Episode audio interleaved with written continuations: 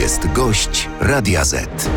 Dzień dobry, dzień dobry, a gościem Radia Z jest dzisiaj Miłosz Motyka, wiceminister klimatu i środowiska Polskie Stronnictwo Ludowe, Trzecia Droga. Tak jest. Witam panie ministrze. Dzień dobry panie redaktorze, dzień dobry państwu. Na początek krótka piłka do pana i do naszych słuchaczy. Rodziny polityków nie powinny pracować w państwowych instytucjach. Tak czy nie? Pytanie czy o spółki, czy chodzi o instytucje państwowe? Y, Jeśli ktoś jest fachowcem, powinien móc pracować w państwowych instytucjach. Czyli tak. Tak. Tak odpowiada nasz gość. Czekamy oczywiście na Państwa opinię. Zapraszam na stronę radioz.pl.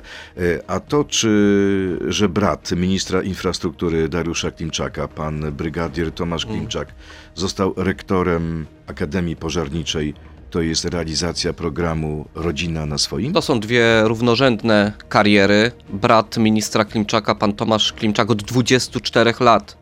Y, Panie redaktorze, jest związany z y, szkołą y, pożarniczą, jest wybitnym fachowcem, jest doktorem, który specjalizuje się w inżynierii budownictwa, bezpieczeństwa budowlanego i naprawdę jest świetnym fachowcem, który jest też rekomendowany przez poprzedniego rektora.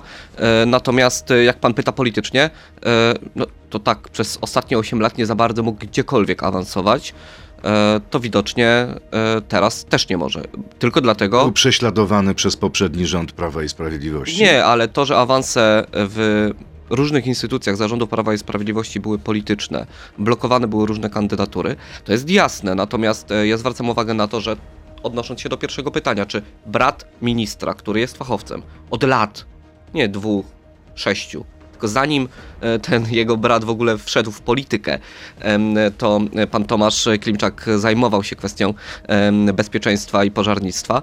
E, Musi mieć blokowaną karierę tylko dlatego, że równorzędną w innym zupełnie e, segmencie karierę prowadzi jego brat. Uważam, że nie. I tak samo dotyczy to przedstawicieli innych formacji No politycznych. właśnie, bo politycy PiSu uważają, że jesteście hipokrytami, gdy, bo gdy podobne Nie. sytuacje były przez ostatnich Nie. 8 lat, to jechaliście po nich jak po byrej, po, przepraszam, po burej nie powiem czym, po łysej kobyle. O. Kobyle. O. To nie, to jest nieprawda. E, No, przecież Mateusz pamiętam, Morawiecki jak był premierem. na przykład zatrudnienie A- a- żony jednego z działaczy bardzo ważnego, pana Sobolewskiego Dokładnie, znaczy, bo to była Państwa. czysta patologia. Zatrudnienie żony spółka Skarbu Państwa w Radzie Nadzorczej tylko dlatego, żeby mogła dorobić, ale mieliśmy inne e, przykłady, na przykład e, pana premiera Morawieckiego siostra, Monika Morawiecka, pracowała w e, firmach, e, instytucjach związanych z energetyką odnawialną.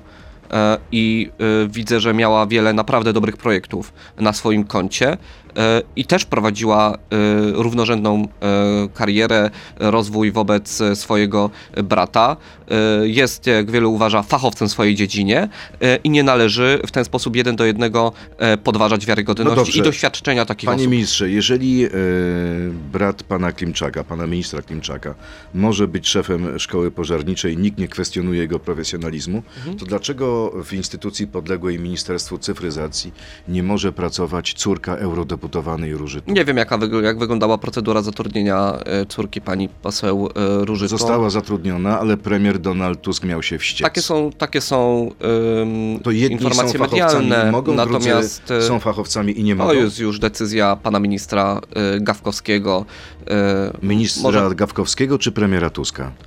pewnie pana ministra, bo on jest bezpośredni, natomiast czy zwrócił się z pytaniem do pana premiera Tuska, tego nie wiem, ale uważam, że to i tak są y, didaskalia. A nie jest to córka zemsta pani wobec poseł, pani Nie, eurodeputowanej córka pani Thun poseł za to, Thun że wyszła z Platformy ma świetne doświadczenie, doskonale do sobie Polski wszędzie poradzi. 2050? i wierzę, że y, będzie mogła pracować y, może w przyszłości również dla instytucji państwowych. Y, naprawdę ma bardzo duże doświadczenie. Czyli jedni mogą, a drudzy nie mogą. Nie, to nie jest tak, ale te decyzje zawsze podejmują osoby odpowiedzialne i one podejmują za nie. o- One ponoszą za nie też odpowiedzialność. Panie ministrze, kiedy w końcu pan napisze tę ustawę wiatrakową? Bo słyszałem, że to są pańskie kompetencje. To jest bardzo ciekawa rzecz, bardzo się cieszę, że pan redaktor o to pyta, bo teraz wreszcie jest tak, że ktoś najpierw pisze projekt, a dopiero później o nim opowiada. Dotychczas z zarządów naszych poprzedników mieliśmy gorące hasła, zapowiedzi, wręcz nawet utarło się, że na konferencjach prasowych się prawo stanowi, bo najpierw była konferencja, zalecenia, a dopiero później e, były pytania o konkretne projekty ustaw. No Ale U nas to wy wrzuciliście fachowcy- przepisy dotyczące wiatraków kilka tygodni temu, nie? Nie, e, nie my, natomiast mówię już tutaj o sytuacji e, rządowej. To była ustawa dotycząca mrożenia cen, która zawierała również te przepisy dotyczące odblokowania energetyki wiatrowej, bo one są potrzebne, natomiast teraz pracują nad tą ustawą, e, pracujemy w departamencie. Również zbieramy zbieramy e, informacje e, ze strony branży. Mieliśmy e, komisje senackie połączone z ministrem energii panem Asgardem z Danii, który również o tym aspekcie mówił. Uważamy, że w pierwszej połowie tego roku, do czerwca, ustawa się pojawi. Będzie to ustawa szeroka, dotycząca odblokowania energetyki wiatrowej na lądzie, która też będzie przekonsultowana i która też nie będzie później sprawiała wrażenia, że rząd do góry nogami jedną poprawką, jednym telefonem do pana em, posła Suskiego wywróci wszystkie ustalenia do góry No dobrze, jakie będzie generalne założenie? Jaka będzie ta minimalna Uważamy, że odległość między wiatrakiem a zabudowaniami? Przez te lata wypracowany został ten konsensus y, dotyczący 500 metrów y, i uważam osobiście, że powinien zostać zachowany. Ustawa powinna koncentrować się wokół e, 500 metrów, jeśli chodzi o odległość od zabudowań. A co z hałasem? bez e, norm hałasu, wedle najnowszych analiz, wedle e, dokładnych badań technologicznych, e, ta odległość gwarantuje odpowiedni, e, odpowiedni spokój i odpowiednią ciszę e, od zabudowań.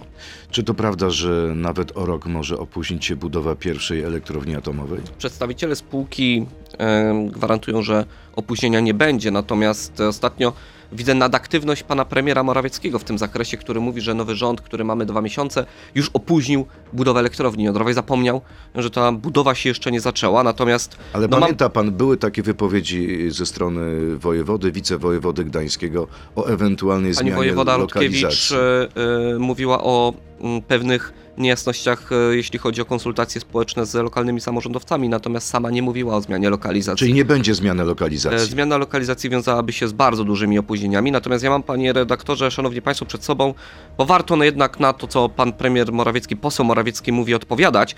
16 października 2020 roku zaktualizował pan premier, jego rząd, e, program wieloletni polskiej energetyki jądrowej w 2020 roku.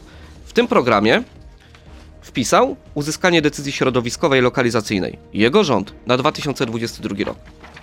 Decyzję środowiskową, trzeci dokument, wydano 19 września 2023 roku zarządów pana premiera Morawieckiego. Nie wiem, czy pan premier Morawiecki kpi sobie z Polaków, myśli, że do tych trzech dokumentów, do programu, do harmonogramu i do decyzji Polacy nie zerkną, nie spojrzą, jak ich pan premier okłamuje, ale to jego Ale w rząd. czym ich pan premier okłamuje? Czyli, że jest ten poślizg roczny? Pan premier Morawiecki powinien już wtedy, 19 września, przy wydaniu decyzji środowiskowej powiedzieć, że wedle harmonogramu przyjętego przez jego rząd ta decyzja e, jest e, opóźniona o rok e, i powinien się z tego wytłumaczyć.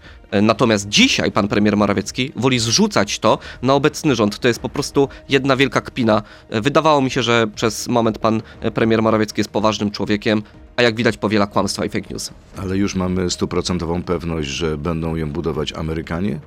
Nic się w tej przestrzeni nie zmienia. E, Ta umowa jest kontynuowana. Na ten rok e, trwają rozmowy z Komisją Europejską na temat finansowania. Będą też badania geologiczne dotyczące e, gwarancji, jeśli chodzi o budowę budynków i projektowanie budynków elektrowni, więc jestem dobrej myśli, jeśli chodzi o ten projekt. Kiedy Polska będzie pierwsza energii. elektrownia atomowa w Polsce? I- 2033 rok to jest ta data z harmonogramu. Chciałbym, żeby wtedy powstała. Polska potrzebuje energetyki jądrowej, tak jak potrzebuje odnawialnych źródeł energii. A Polska będzie miała drugą elektrownię państwową budowaną przez Francuzów? nie? Najpierw e, decyzja lokalizacyjna musiałaby zostać wydana, jeśli chodzi o drugą elektrownię. Chodzi Ten o termin do Bełchatów. 2028 roku, tak, em, e, jest e, Czy określony. Francuzi weszli do gry? Czy te rozmowy premiera Tuska w Paryżu dotyczyły tej sprawy? e, bilateralne rozmowy, natomiast e, chyba nie ulega wątpliwości od lat. E, Strona francuska, e, EDF jest bardzo aktywny w tej e, przestrzeni, ale e, ostateczne decyzje nie zapadły. Decyzje dotyczące wyboru konkretnej technologii zapadną wtedy, gdy wybierzemy lokalizację. To pora na krótką piłkę, trzy krótkie piłki. E, Poproszę również o odpowiedź tak albo nie. Budowa CPK zagraża klimatowi, tak czy nie? Nie, ale nie ma decyzji, jeśli chodzi o budowę CPK też. Francuzi dostaną trzecią elektrownię atomową, tak czy nie? Tego nie wiedzą nawet najstarsi górale. Komisarz Wojciechowski powinien wrócić do PSL-u, tak czy nie? Nie, powinien na zieloną, ale łączkę. Mhm. To mamy wobec tego odpowiedź naszych y, słuchaczy. Rodziny polityków nie powinny pracować w państwowych instytucjach. Tak odpowiedziało 60% uczestników naszej sądy, nie 40%. Komentarz naszego gościa już w części internetowej. Zapraszam Państwa na Radio Z.pl, Facebooka i YouTube'a. To jest gość Radia Z. No właśnie, no i mamy pytanie o nepotyzm, bo on jest inaczej rozumiany. 60% naszych uczestników naszej sądy uważa, że nie powinni. E, Panie redaktorze, szanowni Czyli państwo, krewni pan poseł, polityków nie powinni pracować w instytucjach publicznych. pan poseł Klimczak nie zatrudnił swojego brata w podległej sobie jednostce. Brat posła Klimczaka e, starałby się rozwijać swoją karierę e, w Akademii Pożarniczej.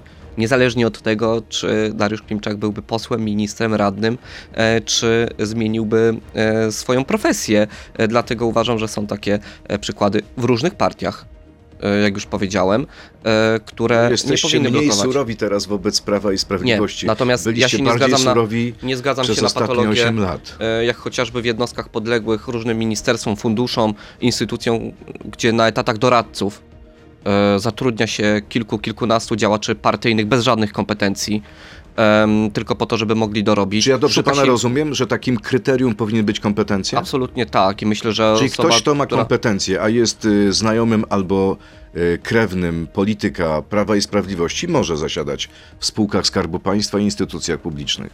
O tyle jest to trudniej, że jeśli chodzi o Prawo i Sprawiedliwość i tych działaczy, to tak nie za bardzo się odznaczali tymi kompetencjami, choć, choć teraz mają szansę znaleźć się w najlepszych światowych firmach. Wy jesteście bardziej kompetentni, Natomiast... bardziej e, zdolni, Natomiast mądrzejsi? nie chciałbym tego tak odbierać. e, No, tak to odebrałem. Natomiast, natomiast ja mówię tylko o tych przykładach, e, gdzie rodziny niektórych polityków, tych, których tu również pan redaktor wymienił, tak naprawdę jak lotem spadochronem byli zrzucani na konkretne kolejne spółki, e, wyrzucani, wrzucani, mm, no sam prezes Kaczyński to powiedział. Syndrom tłustych kotów to nie jest e, wyrażenie, które e, przedstawialiśmy my. Mówili o tym e, politycy PiSu na czele z prezesem Kaczyńskim i to prezes Kaczyński stawiał tamę takim praktykom w swojej partii. To, jak panu się to jest podoba, autorytet. Jak panu się podoba sytuacja w bliźniaczej waszej partii z trzeciej drogi Polska 2050? E, działacz Polski 2050, pan Gniatkowski, dostał posadę w, w spółce Skarbu Państwa w Enei, w Radzie Nadzorczej Mhm. Enei. Z No tego, i rzucił partyjną legitymację. Tak. Uważa pan, że wszystko jest ok? To znaczy, że nominaci partyjni otrzymują najpierw stanowiska, a potem rzucają legitymację? Y, Czy to nie będzie fikcja odpartyjnienia? Mówił o tym Szymon Hołownia na naszej konwencji e, w Kielcach w minioną e, sobotę. Pan e, Gniatkowski jest przedstawicielem organu nadzorczego właśnie w Radzie Nadzorczej, więc e, Ale sos wie pan, jaka może, jaki może być mechanizm? skazany. Wchodzą Natomiast nominaci sam- partyjni do spółek Skarbu Państwa, rzucają legitymacjami, a macie kolejnych członków, Nie, bo myślę, wchodzą do partii. naprawdę przykład pana Gniatkowskiego jest taki, że to jest akurat fachowiec, to jest osoba, która też nie chce się angażować politycznie. E, powiedział o tym wprost. E, jestem przekonany, że po wynikach spółki poznamy e, te kompetencje. Jestem spokojny o to, że nie będzie takich skandalicznych e, przykładów, jakie mieliśmy do czynienia przez ostatnie 8 lat. Polska 2050 chce też wprowadzić zakaz przekazywania przez członków rad nadzorczych e, i zarządów spółek Skarbu Państwa Pieniędzy. e, darowizn na rzecz partii politycznych. Czy PSL poprze ten zakaz? A to, to rozmowy trwają, to jest... Ale jesteście za czy pytanie- przeciw? Znaczy, to my nie wprowadzamy żadnego takiego mechanizmu, nie ma takiego mechanizmu. Ale uważa pan, że on jest strony- słuszny, czy nie? Choć z drugiej strony jest to też pytanie o e, dobrowolność, bo te wpłaty zawsze są Okej, dobrowolne. ale pytam, czy Natomiast- powinien być ustawowy zakaz? nie zastanawiam raczej się nie. Nad tym. Raczej nie. Uważam, że uczciwości nie zagwarantujemy żadną ustawą. E, uważam, że do takich e, przypadków po prostu nie powinno dochodzić. A wracając do komisarza Wojciechowskiego, czyli komisarz Wojciechowski wciąż powinien podać e, się pana zdaniem do dymisji. Pan komisarz Wojciechowski, jak widać, jest y, chętnie widziany przez rolników, jest niechętnie widziany w samym PiSie. O opozycji nie mówię. No zastanawiam się, jak podsumuje swoją kadencję pan komisarz Wojciechowski. Tyle błędów e, narobił, że więc solidny rachunek sumienia i żal za grzechy e, mu się należy, jak już jesteśmy w w tym czasie. E, To może, ten niestety te jego... e, może tą spowiedź powinien wysłuchać minister Siekierski, bo nie wiem, czy pan wie, ale dzisiaj jest wspólny briefing komisarza Wojciechowskiego z ministrem I Siekierskim. mam nadzieję, że pan komisarz To Wojciechowski... po co pan minister pan- Siekierski e, robi konferencję prasową z tak krytykowanym przez was komisarzem? z paru powodów, natomiast błędy komisarza Może Wojciechowskiego są wysłucha jasne. publicznej spowiedzi, tak? Może, natomiast e, będzie mógł też komisarz Wojciechowski e, w ramach pokuty wytłumaczyć się ze swoich działań e, i później w Brukseli e, przedstawić rację na forum Komisji Europejskiej, e, bo to komisarz Wojciechowski forsował wspólnie z panem Timmermansem złe dla polskich rolników przepisy dotyczące obniżenia poziomu stosowania środków ochrony roślin. To on był jednym z awangard, takich polityków będących w awangardzie, jeśli chodzi o forsowanie Europejskiego Zielonego Ładu. No dzisiaj ma tego efekty. No Ale dzisiaj wychodzi, wychodzi na spotkania, protesty rolników. Ostatnio widziałem go w piątek i mówi, że rolnicy, kochani, ja wam pomagam. Ja walczę z tymi To, protesty są- absurdalnymi e, założeniami Zielonego Ładu. To, że te protesty są, to jest najlepsze wotum nieufności wobec polityki komisarza Wojciechowskiego. I ja nie mówię tylko i wyłącznie o Polsce, bo to bardzo. Natomiast e, jeśli chodzi również o e, rolników w Niemczech, we Francji, w Holandii, tam również e, Twarzą Zielonego Ładu nie był komisarz Wojciechowski, był jedną tylko z pan twarzy, Timmermans. ale bardzo e, gorąco parł do przodu komisarz Wojciechowski, by przyjąć te zapisy. E, jak widać z niektórych już się Komisja Europejska, Parlament Europejski wycofuje, więc e, kolejne wotum nieufności wobec komisarza Wojciechowskiego. Dobrze, że po tylu latach chociaż No do dobrze, prezesa a rząd jest przeciwko Zielonemu odwołać. Ładowi czy za? Nie no, polski rząd e, jest za racjonalną polityką. Ale y, przeciwko Zielonemu jeśli chodzi, Ładowi? Jeśli chodzi o e, kwestie w- związane z rolnictwem, to absolutnie ta e, polityka związana z Zielonym Ładem wymaga e, korygowania. No Mówi właśnie, o tym premier, prezes- mówi o tym Prezes minister Siekierski. tak, tak. prezes Kośniak-Kamysz mówi tak, zrezygnujmy z ambitnych celów klimatycznych, dajmy te pieniądze na zbrojenia. Pańska szefowa, pani minister Paulina Henik-Kloska, mówi, że musimy realizować y, nasze zobowiązania wynikające z Zielonego Ładu. No Bo to jak, jak resort, to w końcu resort jest? klimatu i środowiska nie, rea- nie, nie, nie będzie nadal realizował e, te cele, e, które są przed Polską postawione. No, ale jesteście E, przeciwko dla Zielonemu dobra, Ładowi. Nie, zaraz e, powiem o co dokładnie chodzi. E, I te cele muszą być zrealizowane po to, żeby zagwarantować Polakom tańszy prąd i czyste powietrze.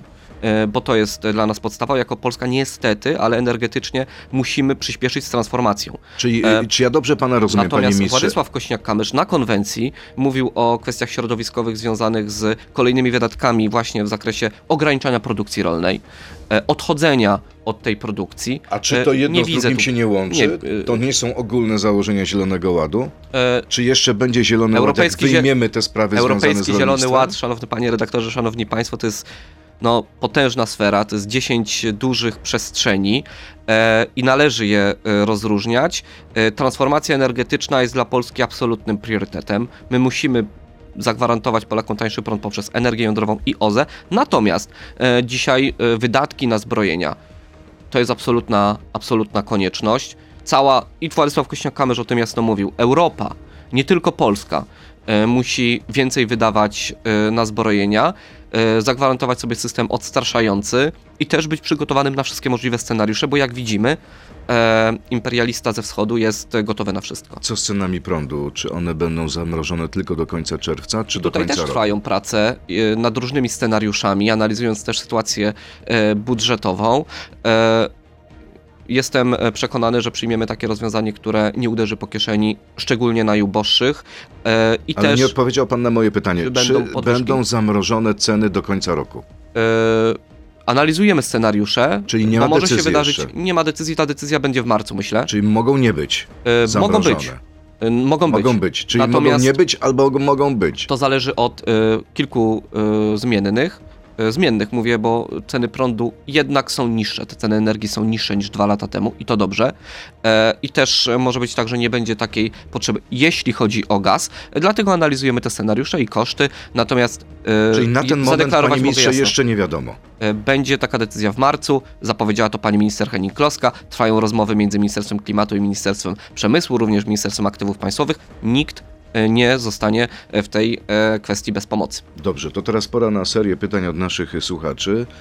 Dlaczego rząd Donalda Tuska, pierwsze pytanie, popiera nowe cele klimatyczne Unii, których koszt dla Polski to ponad 2,4 biliona euro, czyli 1200 zł miesięcznie dla każdego dorosłego Polaka? Nie wiem, które cele, bo na razie mamy te cele na stole, które wynegocjował i na które się zgodził premier Morawiecki, a które najpierw zaakceptowała pani premier Szydło. Politycy PiSu tak gorąco krytykują dzisiaj w każdym swoim wystąpieniu te cele klimatyczne, tylko zapominają, że i w Europie, komisarz Wojciechowski, i w Polsce, Mateusz Morawiecki, wszystko to przyjął. Natomiast Czy wy to akceptujecie? Mm, Uważam, że do 2030 roku powinniśmy zrealizować te cele, bo to są po prostu cele, e, które są e, absolutnie w zasięgu dla polskiej gospodarki. Jeśli chodzi o ten e, cel 90% do 2040 roku, to też mówił pan premier, to też mówią wicepremierzy i członkowie rządu. E, To jest, e, będzie duży wysiłek dla polskiej gospodarki i tutaj nie wykluczam, Czyli że nie damy korekcja. rady. Panie redaktorze, do tego czasu zostało 13 lat. Gdyby mi ktoś powiedział w 2018 roku, jak mocno zmieni się energetyka, że Unia Europejska będzie stawiała na atom, e, to wielu e, mogłoby się e, zdziwić. Dlatego na razie przed sobą mamy horyzont 2000 2030 Okej, roku. kolejne pytanie. Czy były prowadzący program Mam Talent, a obecny marszałek Sejmu, który jest z pana ugrupowania, nie pomylił odwagi z odważnikiem? Nie, Mówiąc, pomylił. Cytuję: Putina wgnieciemy w ziemię prędzej czy później. Trafi tam, gdzie powinien trafić.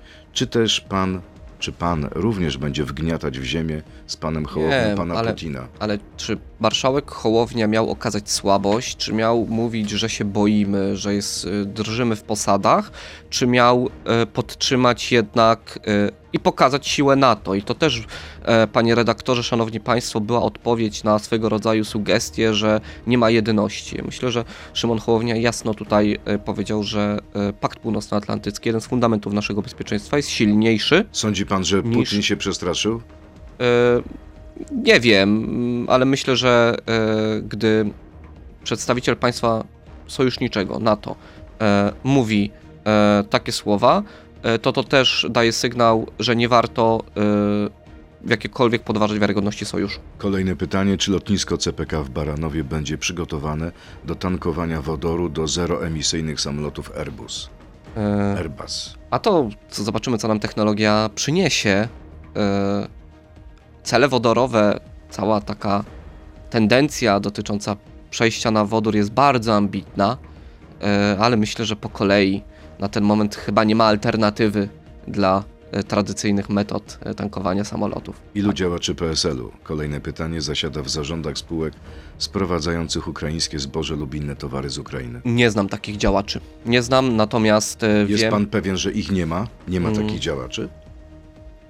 Nie znam Nikt takich z działaczy. PSL-u nie sprowadza ukraińskiego zboża? Nie, nie znam takich działaczy. Pan nie zna, ale ja pytam, czy nikt z działaczy. Nie, myślę, że nie. Akurat jeśli chodzi o Polskie Stronnictwo Ludowe, mam dość dobry ogląd charakterystyki w formacji, więc nie wydaje mi się, Gdyby że tak było. spółki Natomiast- związane z PSL-em sprowadzały, to pan by wiedział. Tak, ale panie redaktorze, akurat jeśli chodzi o spółki, których y, członkami zarządów są byli często politycy Polskiego Stronnictwa Ludowego, to są bardzo dobrze prosperujące spółki, które funkcjonują na polskim rynku i dbają o to, żeby mieć polskich dostawców swoich produktów. I nie zarobiły nic na towarach z Ukrainy. Nie, ja w ogóle No tak uważam, bez że... przekonania pan mówi. Bo to jest e, Może fake jest news i pamiętam, gdy pan e, poseł Bochenek e, zarzucał byłemu premierowi Waldemarowi Pawlakowi tę kwestię, e, musiał się z tych słów wycofywać. Więc e, myślę, że to jest najlepszy dowód na to, że tak nie było. Pan poseł Bochenek się z tych słów wycofał, e, bo sprawa otarłaby się o sąd. Kolejne pytanie. Dlaczego likwidujemy własne górnictwo zamiast zdjąć My z nie niego likwidujemy. obciążenia? Jeszcze nie koniec pytania. Ściągamy węgiel z dalekich zakątków świata. Jak to się ma do tej waszej ochrony klimatu? Niemcy likwidują wiatraki, żeby zrobić miejsce na wydobycie węgla.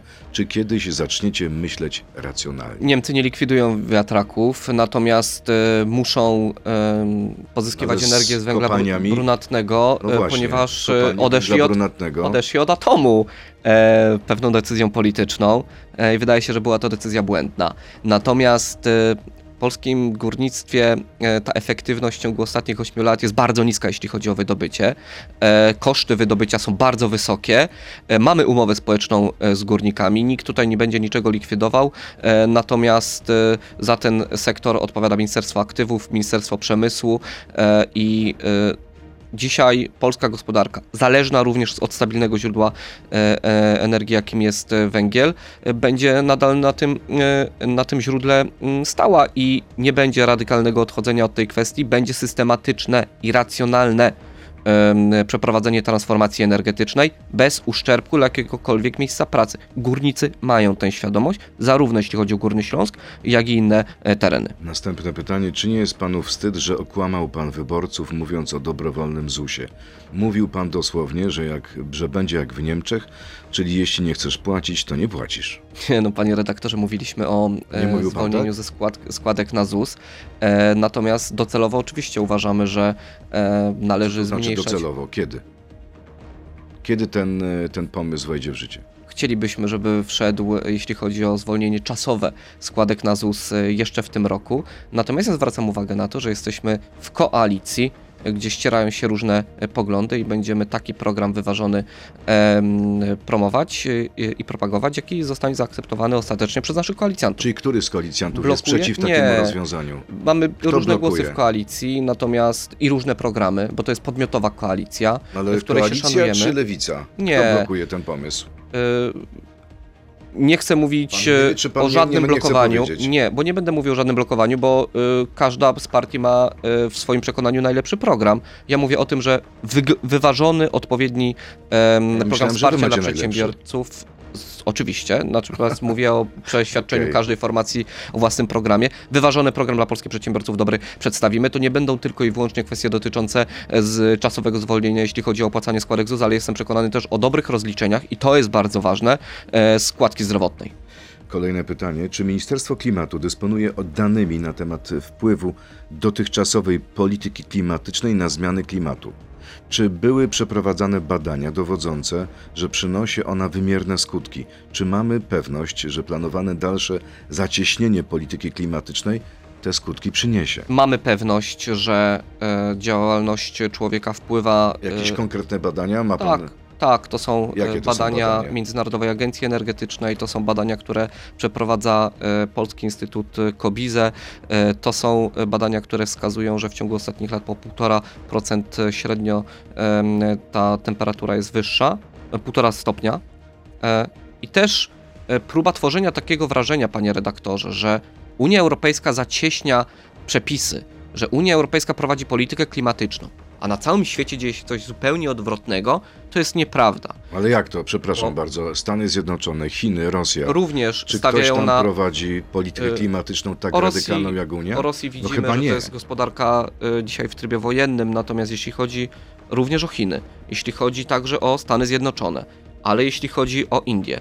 W ubiegłym tygodniu byłem em, y, y, przedstawicielem Polski wspólnie z panem ministrem Bolestą na konferencji Międzynarodowej Agencji Energetycznej i tam przedstawiano te dane i każde państwo też mówiło, jak wypełnia te cele klimatyczne, e, które stoją przed e, e, tymi państwami No i w jaki sposób wymieniają, czy wypełniają te cele Stawiają klimatyczne? na odnawialne źródła Rosja, energii. Indie, Chiny i Stany. stawiają na odnawialne źródła energii. Dzisiaj, jeśli chodzi o Chiny chociażby, mamy y, gigantyczny wzrost pozyskiwania energii y, z OZE właśnie. E, No i tutaj tworzenie wrażenia, że Unia Europejska idzie bardzo mocno do przodu, a wszystkie państwa robią co chcą, jest po prostu nieprawdziwe. E, Za Natomiast ile procent y, efektu cieplarnianego, czy też wypływu CO2 odpowiada Unia Europejska na całym świecie? Wie pan? y, to jest kilka To procent. jest 7%. Tak, panie redaktorze, natomiast e, też zwróćmy uwagę na to, że e, ta tendencja się zmienia i będą e, zarówno państwa azjatyckie, jak i Stany Zjednoczone przyspieszały w polityce klimatycznej. E, Europa jednak, wiadomo, musi e, stawiać też na to, by taki cel klimatyczny nie wiązał biznesmeni- się, nie wiązał się do tego, do Ja tego rozumiem. przechodzę, ze stratami mówią, w miejscach pracy. Tak, biznesmeni mówią, że taka radykalna polityka klimatyczna doprowadzi do braku konkurencyjności naszej gospodarki. Dzisiaj e, Rolnicy mówią to samo, wszystko. którzy protestują, bo oni Tak. mówią tak, okej, będziemy sprowadzać towary z Dlatego Ameryki ja mówiłem o, Południowej, o, o zrównoważonym rozwoju i on jest podstawą e, prowadzenia racjonalnej e, polityki. E, Też e, musimy zdawać sobie sprawę z tego, że e, no, konkurujemy na arenie światowej i nie możemy utracić e, konkurencyjności, tak aby firmy wyprowadzały się na inne kon- kontynenty. Jakie akcje, programy zostaną podjęte? To kolejne pytanie naszego słuchacza w tym roku w celu zapobiegania suszy również u rolników. Czy jest, pan, czy jest plan zwiększenia retencji, czy będziemy tak w nieskończoność dotować rolników w razie suszy, zamiast temu zapobiegać? Tak, i tutaj jest e, bardzo e, duża przestrzeń do działania, jeśli chodzi o Ministerstwo Rolnictwa. E, Jeśli chodzi o wsparcie programów retencji, które są realizowane i przez Narodowy Fundusz Ochrony Środowiska, e, to będziemy te programy przeglądać, aby zwiększyć środki na to, by zatrzymywać e, wodę.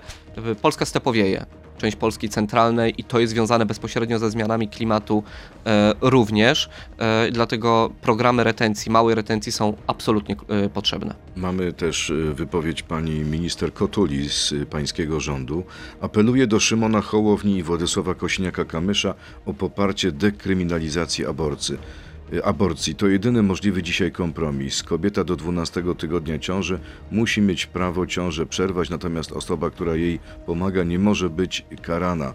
Nie mogą być też karani lekarze. Zajmijcie się wreszcie aborcją, a apeluje na łamach Super Expressu pani Kotula. Jaka będzie wasza odpowiedź? w sprawach światopoglądowych, w tych e, kwestiach e, każdy w Polskim Stronnictwie Ludowym od ponad 120 lat ma możliwość głosowania zgodnie z własnym sumieniem i nic z tego nie zmieni. Czyli pan y, nie wyobraża sobie, żeby Polskie Stronnictwo Ludowe poparło pomysły pani minister To Kotuli? jest decyzja zawsze leżąca w gestii sumienia każdego parlamentarzysty. Pani minister, którą pozdrawiam serdecznie, ma własny program, natomiast my nie odchodzimy od swoich e, wartości. To też nie jest e, projekt rządowy, e, wobec czego e, tutaj każdy zagłosuje zgodnie z własnym sumieniem. A pan jak zagłosuje? Ja to nie jestem posłem, natomiast e, e, musiałbym przyjrzeć się temu e, projektowi, Gdyby pan był idący tak, idącym tak e, daleko e, jak ten dotychczasowy, e, to pewnie byłbym przeciw. A co z Moniką Pawłowską, która może objąć mandat po Mariuszu Kamińskim? Czy to prawda, że są jakieś rozmowy między panią, byłą panią poseł? Jeśli pani A poseł trzecią Pawłowska drogą? była, stanie się przyszłą posłanką, to już dobrze, bo jak widać w części obozu Prawa i Sprawiedliwości jest refleksja, że pan Mariusz Kamiński posłem nie jest. E, Oczywiście w perspektywie Decyzję ma wystartuje podjąć pewnie do do piątku. Parlamentu Europejskiego. Są jakieś rozmowy z wami na ten temat? Nie, nie ma żadnych rozmów. E, Najpierw pani poseł Pawłowska musi się określić, czy będzie brała e, mandat, obejmie go, czy nie. Czy faktycznie uważa, jak część obozu Prawa i Sprawiedliwości, że pan Kamiński jest posłem, czy nie. No to już jest jej decyzja. A wyobraża pan sobie, jeśli taki mandat obejmuje po panu Mariuszu Kamińskim, żeby była w klubie trzeciej drogi? Nie, nie wyobrażam sobie. Czy trzecia droga wystawi swego kandydata na prezydenta Warszawy? Ta decyzja będzie, myślę, w ciągu kilku dni ogłoszona. Podobno jest taki pomysł, żeby pani Ada Porowska wystartowała. To nieprawda? To są rozmowy na poziomie też e, tutaj miasta stołecznego. My jesteśmy partią samorządową, która e, podejmuje te decyzje koalicyjnie e, i czekamy na tutaj odpowiednie rekomendacje ciał, które no, będą wiodące, czyli, Czyli PSL nie ma kandydata w tej chwili konkretnego na prezydenta Warszawy. Poprzecie Rafała Trzaskowskiego? Te decyzje będą w ciągu najbliższych dni ogłoszone. Ale raczej na tak, na poparcie, czy raczej na nie idzie? Ja- jako Polskie Stronnictwo Ludowe wysoko oceniamy prezydenturę Rafała Trzaskowskiego w Warszawie. Dzisiaj rozpoczyna pracę Komisja do Spraw Pegasusa. E, jak pan myśli, kiedy poznamy listę podsłuchiwanych polityków? To zależy od prac komisji, to zależy też od e, stanowiska prokuratury, to zależy też od stanowiska Ministerstwa Sprawiedliwości. E, Natomiast ja odczuwam, że wielu polityków Prawa i Sprawiedliwości chciałoby poznać e, taką ostateczną Co listę. to znaczy, że pan odczuwa? Dzwonią do pana, rozmawiają z panem? Zastanawiają się, czy sami nie byli podsłuchiwani przez te ostatnie lata. Wielu z nich nie ma takiej pewności. Jak widać, to zaufanie do służb nie było tylko i wyłącznie nadwątlone, jeśli chodzi o, o zwykłych obywateli, ale też tych, którzy no, mieli wpływ na te służby. Ale wie pan na podstawie rozmów z politykami PiSu, rozmawiacie ze sobą? No, nawet niektórzy, jak pan były minister Ardanowski, to wprost sugeruje, że do takich sytuacji mogło e, dochodzić. Podważa wiarygodność pana ministra Kamińskiego, jeśli chodzi o aferę e, gruntową i słusznie, bo złamał prawo, e, więc jak widać ta niepewność w obozie PiSu jest bardzo duża. Ale europoseł Jaki mówi, że to żaden problem, bo to dobrze, że byli podsłuchiwani i jedni i drudzy, skoro było jakieś y, niebezpieczeństwo szwindlu albo jakiegoś No sentyment przekrętu. y, pana posła Jakiego wobec tej spółdzielni Gumowe Ucho, pana Kamińskiego i Wąsika może być y, bardzo duże. Ja się nie dziwię, że pan poseł Jaki się w ten sposób e, zachowuje, bo to jego szef bezpośrednio zgodę na użycie tego systemu wydał, e, a środki e, z Funduszu Sprawiedliwości zresztą e, popłynęły. E, Natomiast to ciekawa konstatacja, że politycy PiSu powinni być podsłuchiwani i żeby nie doszło do jakiegoś szwindlu, jak widać, takie mają do siebie zaufanie. Czyli spółdzielnia gumowe ucho. No- A jak, a jak Widzę przyjdzie- niezdrową fascynację podsłuchami jak ze strony na tych dwóch panów. do spraw Pegasusa Mariusz Kamiński powie, że to wszystko kłamstwa i obali te wszystkie podejrzenia, to Znaczy, co? to, y, czy takie praktyki były y, podejmowane, to ocenią y, odpowiednie organy, a jeszcze nie pan minister były Kamiński, który już wielokrotnie mijał się z prawdą. Miłosz Motyka, wiceminister klimatu i środowiska PSL, Trzecia Droga.